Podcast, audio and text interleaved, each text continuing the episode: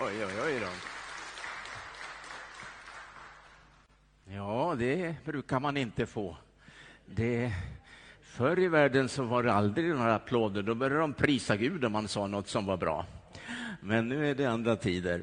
Men det var bra. Tack ska ni ha. Ja, ja halleluja. Det är ett bra sätt att uttrycka det. Det är säkert det. Tack så mycket för inbjudan den här helgen och jag har sett fram emot den. Och innan jag predikar så vill jag bara nämna om att min nya bok finns på bordet där ute i foajén och den heter Att vandra med Jesus i den sista tiden.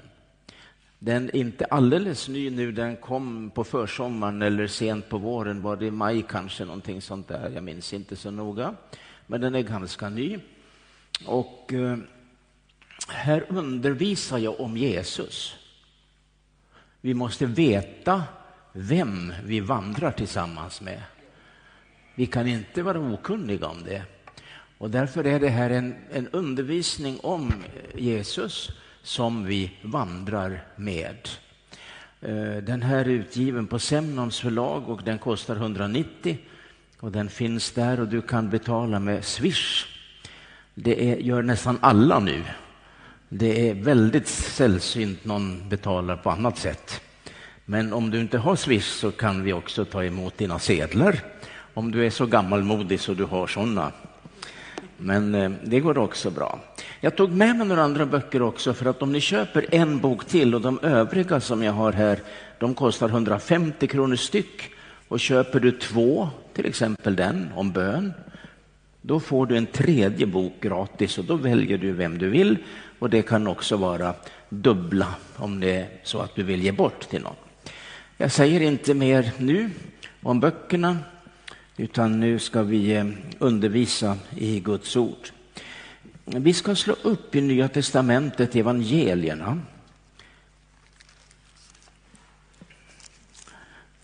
Det är ju de fyra dokumentationer vi har som visar på den Jesus som vi ska vandra tillsammans med. Vi ska eh, ta fram här ett bibelord i Lukas, det femte kapitlet. Och jag läser från början där, i Jesu namn.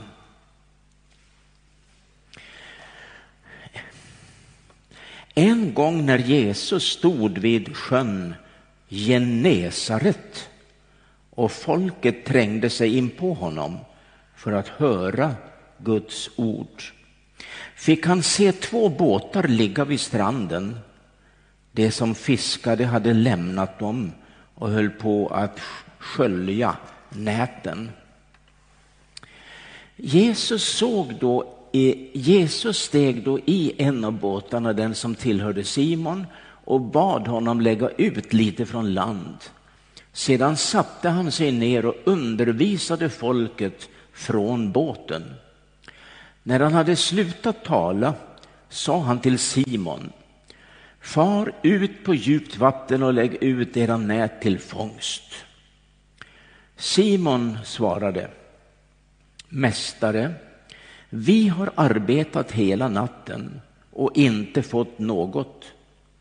Men på din befallning vill jag lägga ut näten. Det gjorde så och fångade en så stor mängd fisk att näten höll på att gå sönder. Då vinkade de åt sina kamrater i den andra båten att komma och hjälpa dem. Och de kom och fyllde båda båtarna så att det var nära att sjunka. När Simon Petrus såg det föll han ner för Jesus och sa Gå bort ifrån mig, Herre, jag är en syndig människa. Ty han och alla som var med honom hade slagits med häpnad över den fångst de hade fått. Också Jakob och Johannes Sebedaios söner som fiskade i lag med Simon. Men Jesus sade till Simon, frukta inte, härefter ska du fånga människor. Och de drog upp båtarna på land, lämnade allt och följde honom. Amen. När vi läser evangelierna så ser vi hur Jesus kallade sina lärjungar. Ingen gång använder han många ord och långa predikningar för att övertyga dem. Ingen intränad smart retorik brukades. Han sa bara två ord. Följ mig. Och lite längre ner i samma kapitel står det om en tulltjänsteman som heter Levi. Och han var på jobbet och satt där på en stol eller bänk och skötte eh, arbetet att eh, ta emot tull när de skulle gå in i staden. Och Jesus kom fram till honom och så säger han bara Följ mig. Och, och Levi gjorde tre saker. Han stod upp.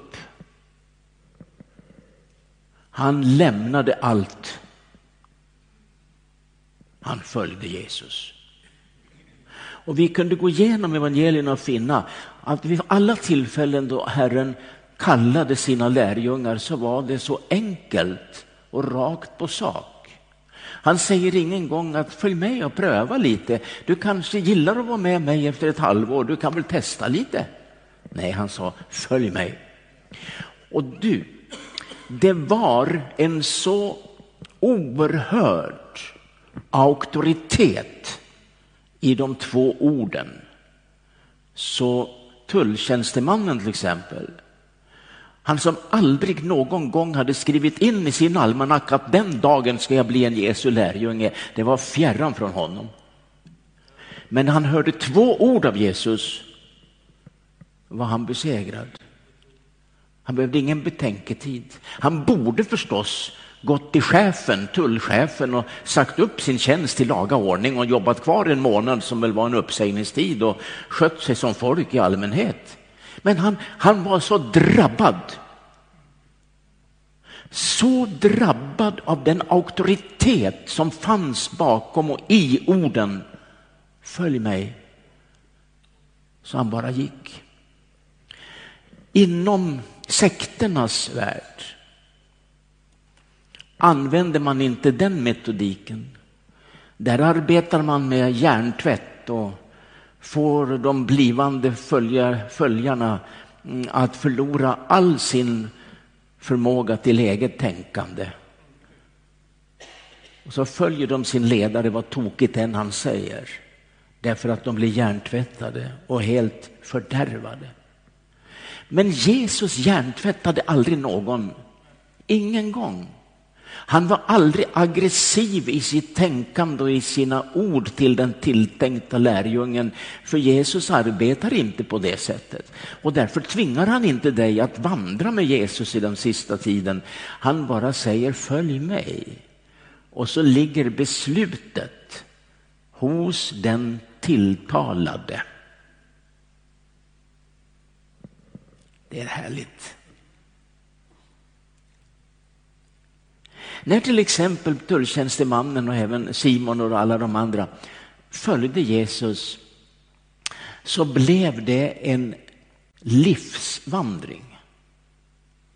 Jesus satte inget stopp. Han sa inte att efter tre år så slutar den här bibelskolan, efter en viss tid får ni gå hem till mamma eller till frun eller till släktingarna. Utan det fortsatte och fortsatte och fortsatte utan stopp.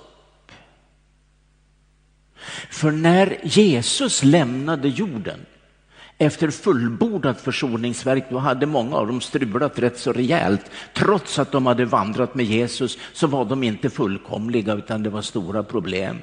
Men då säger Jesus till dem i sitt avskedstal i Johannes evangelium 14, 15 och 16, ja det börjar nog redan i 13 kapitlet kanske.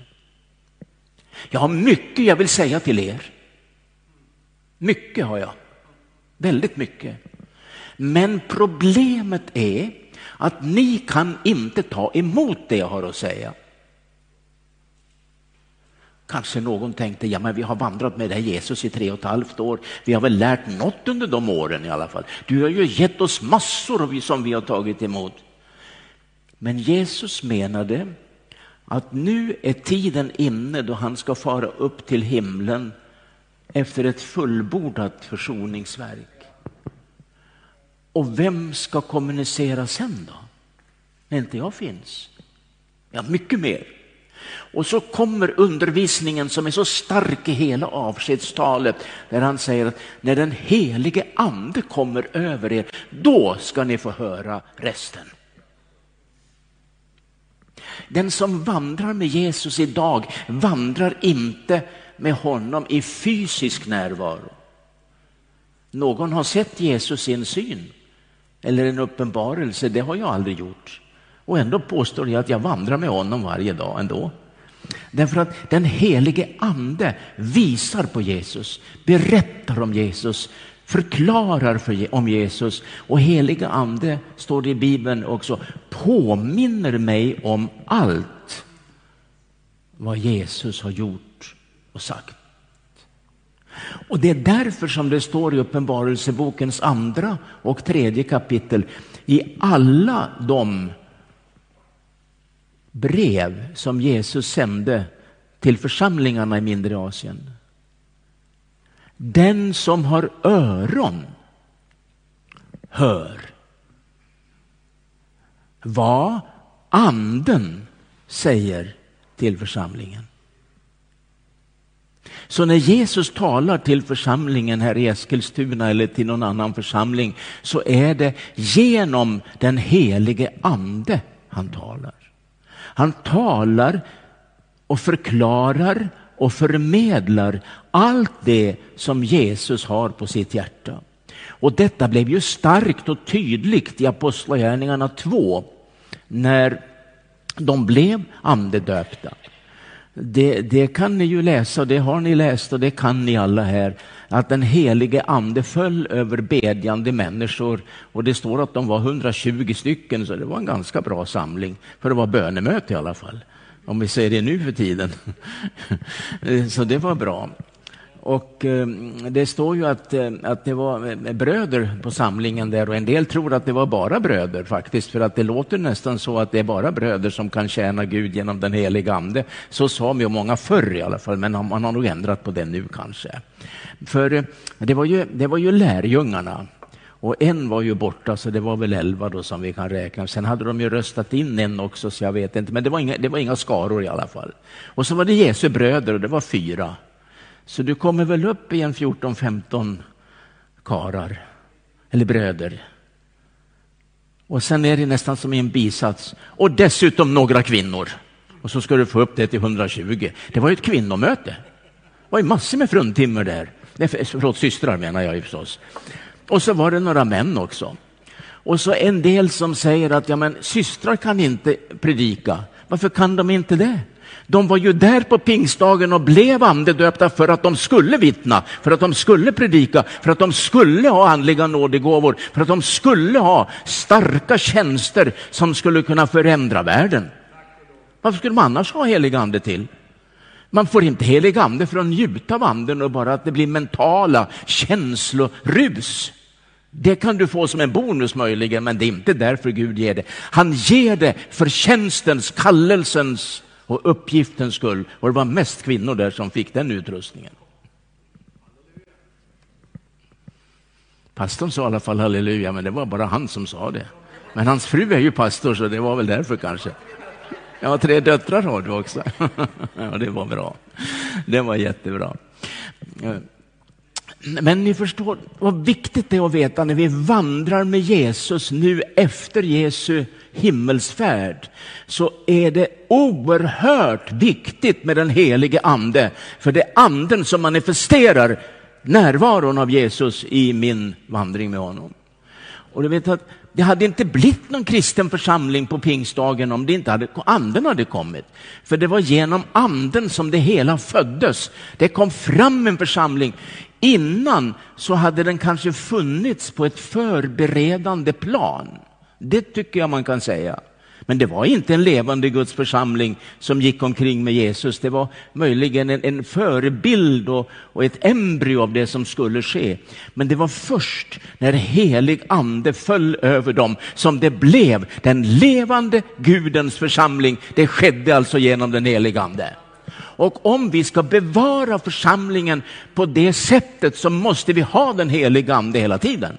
Det går liksom inte att ta bort helig ande nu och tro att det fungerar ändå. Ja, men vi har så duktig pastor och vi har så bra i styrelse och vi har ju en bra kyrka och så tillhör vi världens bästa samfund kan någon säga. Det räcker ingenting av allt det där. Vi har den helige ande som manifesterar det som är Guds församling på jorden och då blir Jesus förhärligad. Då blir Jesus förkunnad. Då blir Jesus upphöjd i en sådan församling för anden skulle aldrig gå med på något annat. Det är säkert det. Det är, det är heligande. Jag har intresserat mig lite för väckelserörelserna i, i eh, jag ska inte säga modern tid, men i alla fall ingen lång historisk tid, utan från 1800-talet i alla fall. Eh, och det började ju med baptisterna. Det blev en väldigt stark väckelse i Sverige 1850. Den kanske fanns en liten begynnelse ett år innan, men 1850 så blommade det ut i alla fall. Och det var ingen, eh, det var ingen eh, mm, eh, plats eller stad bara, eller en liten ort som fick väckelse, utan den drabbade hela Sverige. Det var som en bölja, som en våg som drabbade hela landet. Och det byggdes baptistkapell ute på landsbygderna och stora kyrkor i städerna och tusentals blev frälsta. Sju år senare bildades baptistsamfundet för man ville väl ha en struktur på väckelsen på något vis. Och under samma period kom Evangeliska Fosterlandsstiftelsen och deras inomkyrkliga samfund bildades samma år som eh, baptisterna 1857.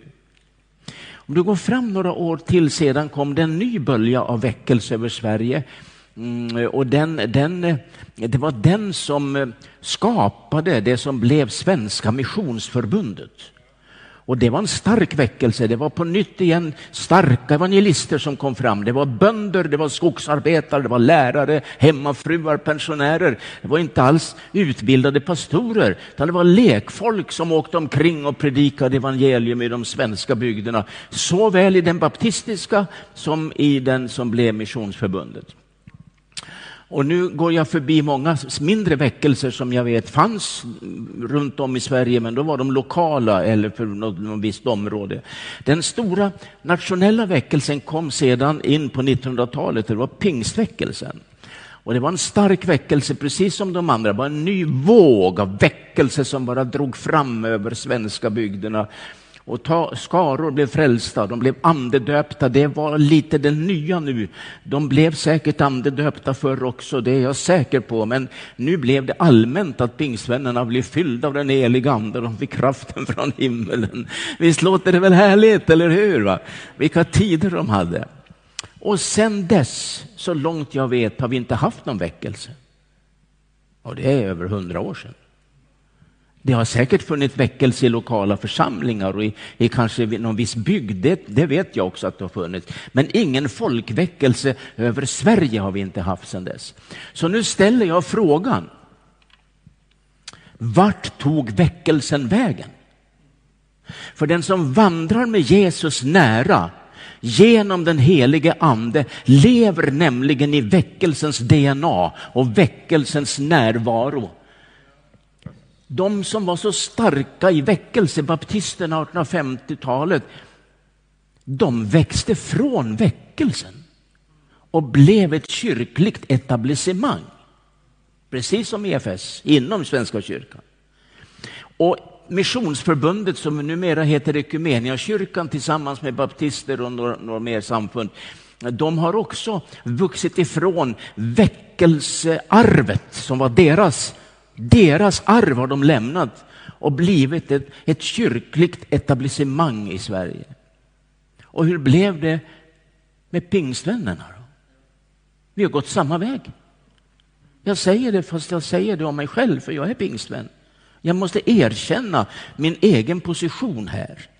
Därför att det höll i sig ganska många år under 1900-talet, väckelsen. Det brann överallt och de, det var oerhört starka tider. Och då kallade man min rörelse för pingstväckelse. Och det gjorde man i ganska många år. Men så småningom bytte man ut det och sa pingströrelse. Det var en markering för orden speglar verkligheten. Så är det alltid. Nu var det inte väckelse utan nu var det en rörelse och det ligger nära varann, men det är en väsensskillnad i ordens betydelse. Idag säger ytterst få, nästan ingen, att vi är en väckelse pingst, pingstväckelse. Och någon som säger det så är den inte uppdaterad riktigt, för det är vi inte. Vi är inte det. Våra bönemöten visar på något annat, våra väckelsemöten är borta helt. Och eh, vi ber för en del människor i läger och, och invandrargrupper etc. etc. Men nu har jag rest omkring i snart 25 år sen jag slutade i Stockholm som pastor. Jag fick vara här några år, men samtidigt, jag reser nonstop. Jag vet inte när jag var med om att någon blev frälst i ett möte. Jag vet inte när någon blev andedöpt i ett möte. Det blev de ju jämt. Vi, vi, vi, gav ju inte upp för på väckelsemötena på söndagen, utan vi låg på första bänken och bad för folk och de skulle, som vi sa, igenom skulle de. Men för att nu är vi inte en rörelse längre, nu kallar man mitt sammanhang för samfundet pingst. Och jag står inte här nu för att värdera den utveckling vi har. Det är säkert mycket bra och de som arbetar där är fina tjänstegåvor och jag, jag är inte här för att, eh, för att eh, recensera någonting. Jag är här bara för att ställa frågan. Och nu kommer frågan igen. Vart tog väckelsen vägen? Behövs den inte längre? Har vi inget behov av den längre eftersom ingen frågar efter den nästan?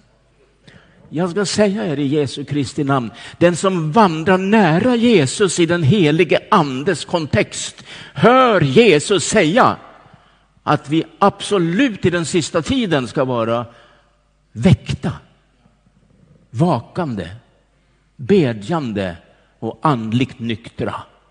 Det ord som Jesus talar i evangelierna om den här tiden som vi nu lever i. Jag vill att du tar med dig frågan hem. Vart tog väckelsen vägen? Och be över den. Fundera över varför det blev som det blev. Och då är det inte så att det är dåliga församlingar vi har eller att vi ska underkänna allt det vi håller på med. Vi har en bra verksamhet, mycket är ju kanonbra. Men vi har ingen väckelse som berör landet. Och det var detta som pastor Levi Petrus sa. Jag hörde honom själv så många gånger att han sa det, fast han var så gammal så han kunde varit min farfar. Men han talade till oss ungdomar och jag, han, jag fick samtala med honom några gånger också. Mm. Och han sa att pingstväckelsen får aldrig bli ett samfund, det får aldrig stelna i de formerna.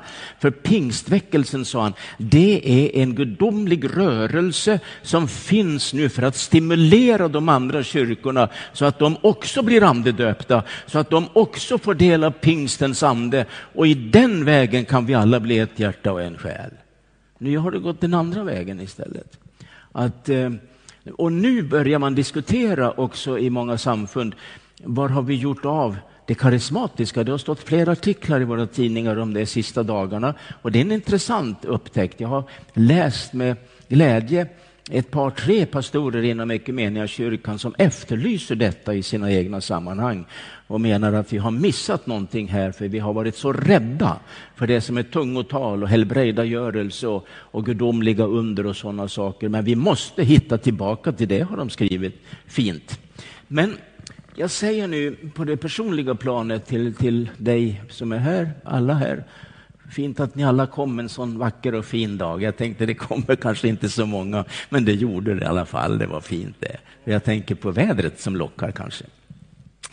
Jag ska säga till oss nu att det här har med individen att göra.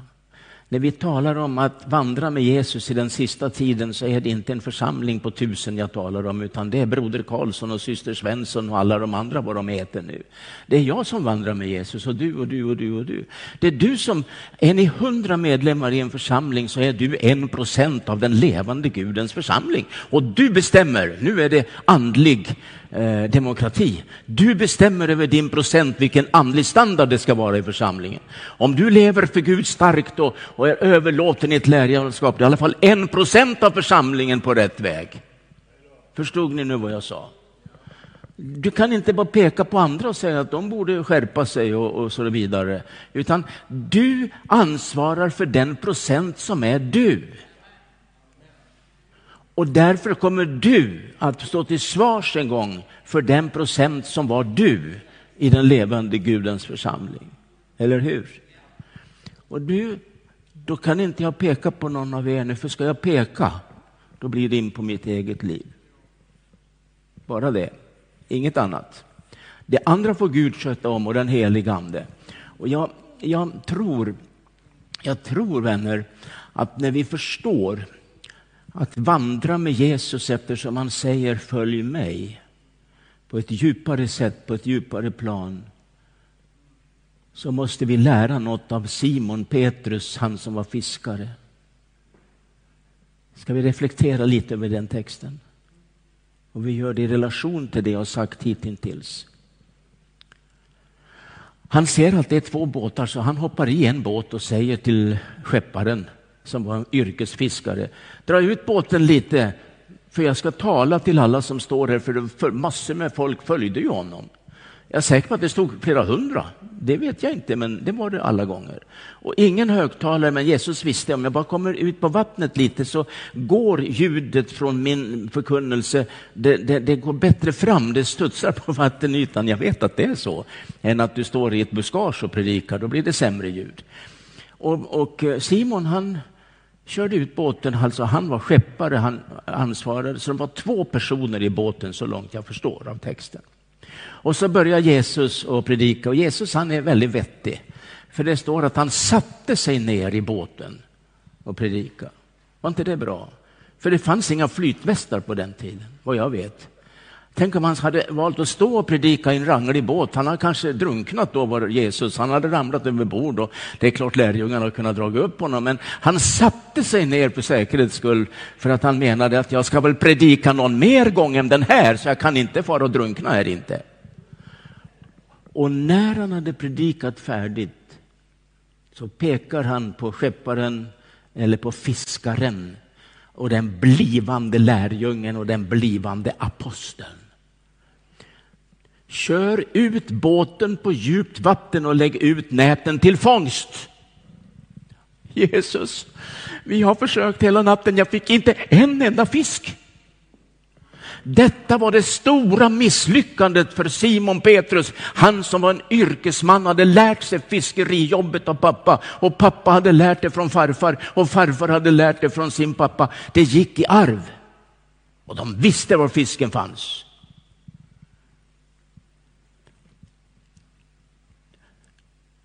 Mannen med yrkeskunskap och erfarenhet var knäckt i sin yrkesroll. Men så säger han, men på ditt ord ska jag lägga ut näten igen. Nu kunde vi tro, och det var väl så i den första tanken, att Jesus sa lägg ut näten till fångst, det var orden. Men det är något mer.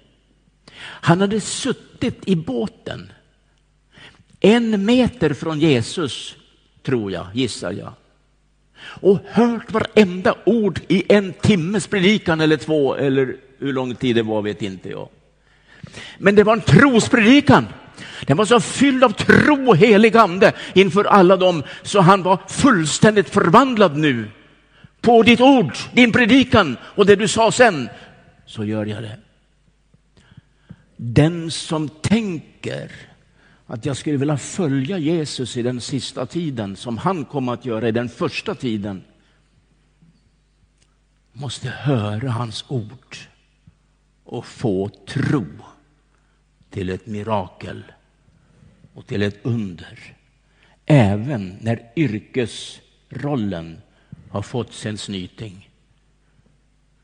Så man undrar, måste jag byta jobb? Jag får ju ingen fisk. Och då hände det som måste hända för den som vill vandra med Jesus i den sista tiden. Han kom i syndanöd. När båten, som var hans egen, som han hade sparat pengar till, kanske han hade lån på den, inte vet jag. Det var nog dyrt med båtar som det är idag, samma kanske då. När den blev så full av fisk så att Jesus stod i fisk upp till knäna i varje fall, kanske upp till midjan. Jag vet inte hur hög relingen var på de där båtarna.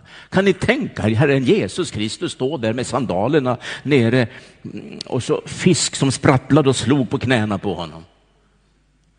Och då faller Simon ner med näsan först, gråtande och bekänner sina synder.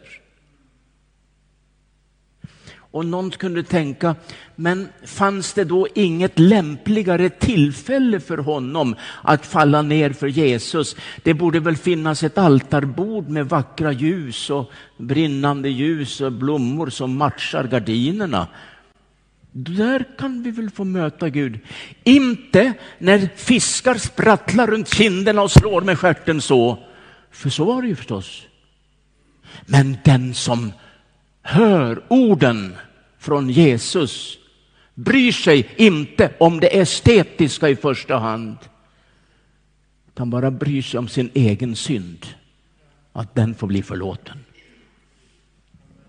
Det går inte an att följa Jesus i sista tiden och inte bry sig om sina synder leva vidare bara, precis som inget har hänt. Och det finns förkunnelse idag i kyrkor och i frikyrkor lite överallt, att du är så viktig och du är en sån god människa, så du kan bara följa Jesus som du är. Det behövs ingen omvändelse idag, säger en del präster och predikanter. Behövs ingen. För du är älskad av Gud och det räcker. Så var det inte för Simon Petrus.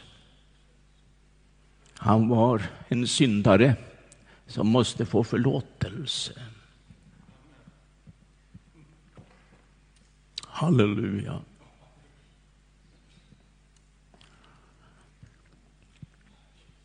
Om du ska födas fram, ja du är född på nytt, det vet jag.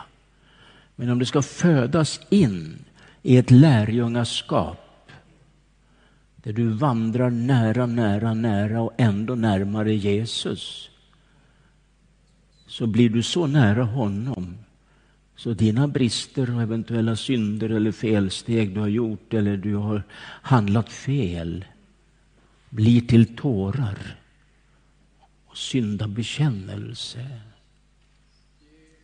Då har du en bra start i vandringen med Jesus. Och samfundet, vad det nu är för samfund, jag tar det som en bild, som inte vill ha väckelsens DNA, kommer aldrig att predika att du måste komma i syndanöd för att kunna följa Jesus på riktigt. Du är älskad av Gud och det räcker, hur du än har det hur du än tycker. Men vet du att kärleken från Herren och till Herren leder alltid fram till korset. Kan aldrig gå förbi korset. Det leder fram till korset. Där jag bekänner min synd. Där jag gör upp och får en förlåtelse och ett blod som renar från all synd. Och du behöver inte vara kriminell och bankrånare och mördare för att komma den vägen. Det går väldigt bra att en fin pingstvän kommer, för att när vi kommer nära Jesus, då träder syndens fläckar fram hos oss lite till var. Men får vi distans till Jesus, då har vi inget behov av att be om någon syndaförlåtelse. Och det är därför som väckelse i ordets djupa mening behövs idag. För väckelse är det Jesus bad om i den yttersta tiden. Han, han säger det flera gånger. Ni måste väckas, ni får inte sova alltså. Väckas ur sömnen. Och ni ska vara bedjande då när jag kommer. Och ni ska, som jag sa nyss, ni ska vara andligt nyktra, står det på något ställe och liknande. Det betyder inte att han säger du kan vara hur du vill. Utan du måste vara överlåten åt Gud. Och det där har blivit så levande för mig i min förkunnelse de sista månaderna. Jag har nog tagit upp det lite här och där när jag reser runt och predikar. Att nu måste vi gå in i omvändelsens tid. Varför det då? Det är att ta Gud på allvar. Vänder jag ryggen till Gud så är det inte att respektera honom. Men om jag vänder mitt ansikte mot Gud, det är att ge honom respekt. Det är omvändelse alltså. Halleluja. Halleluja.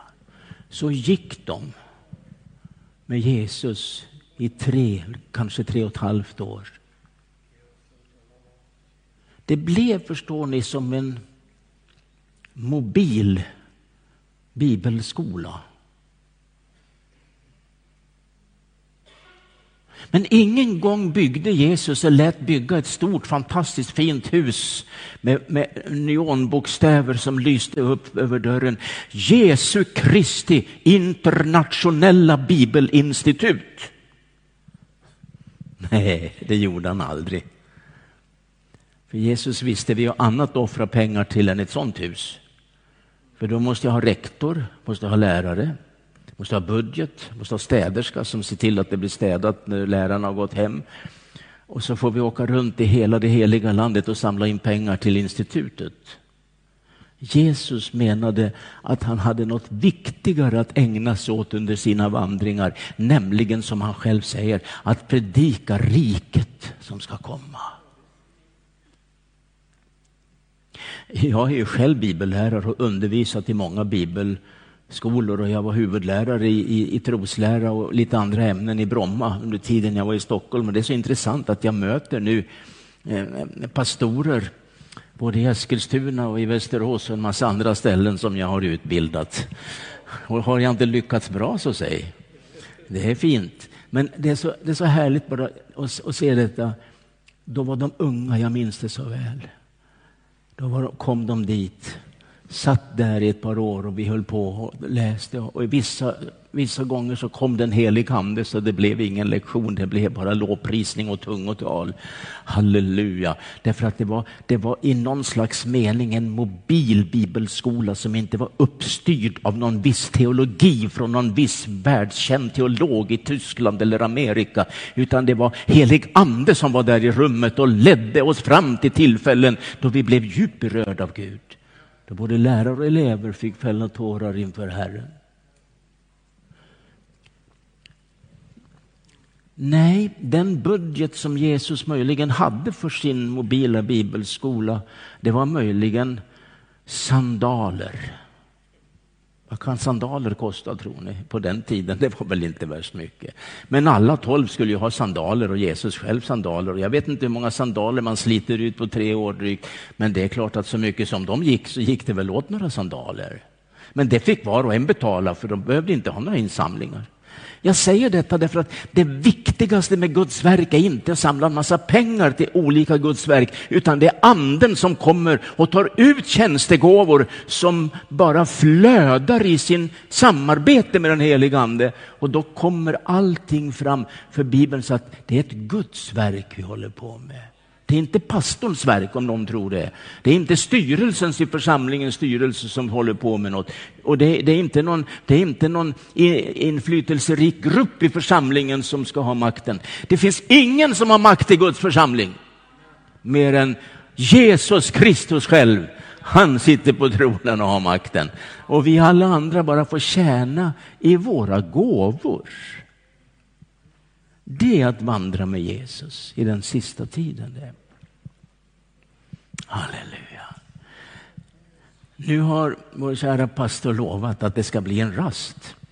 Och vad han ska bjuda på det vet inte jag, men det blir nog något här ute. Och så sa han till mig, du får bestämma när vi ska ha rasten, så bara slutar du och så fortsätter du efter rasten. Så jag tycker att vi kan sluta här nu innan jag börjar på något, på något nytt sammanhang i att följa Jesus i den sista tiden. Så.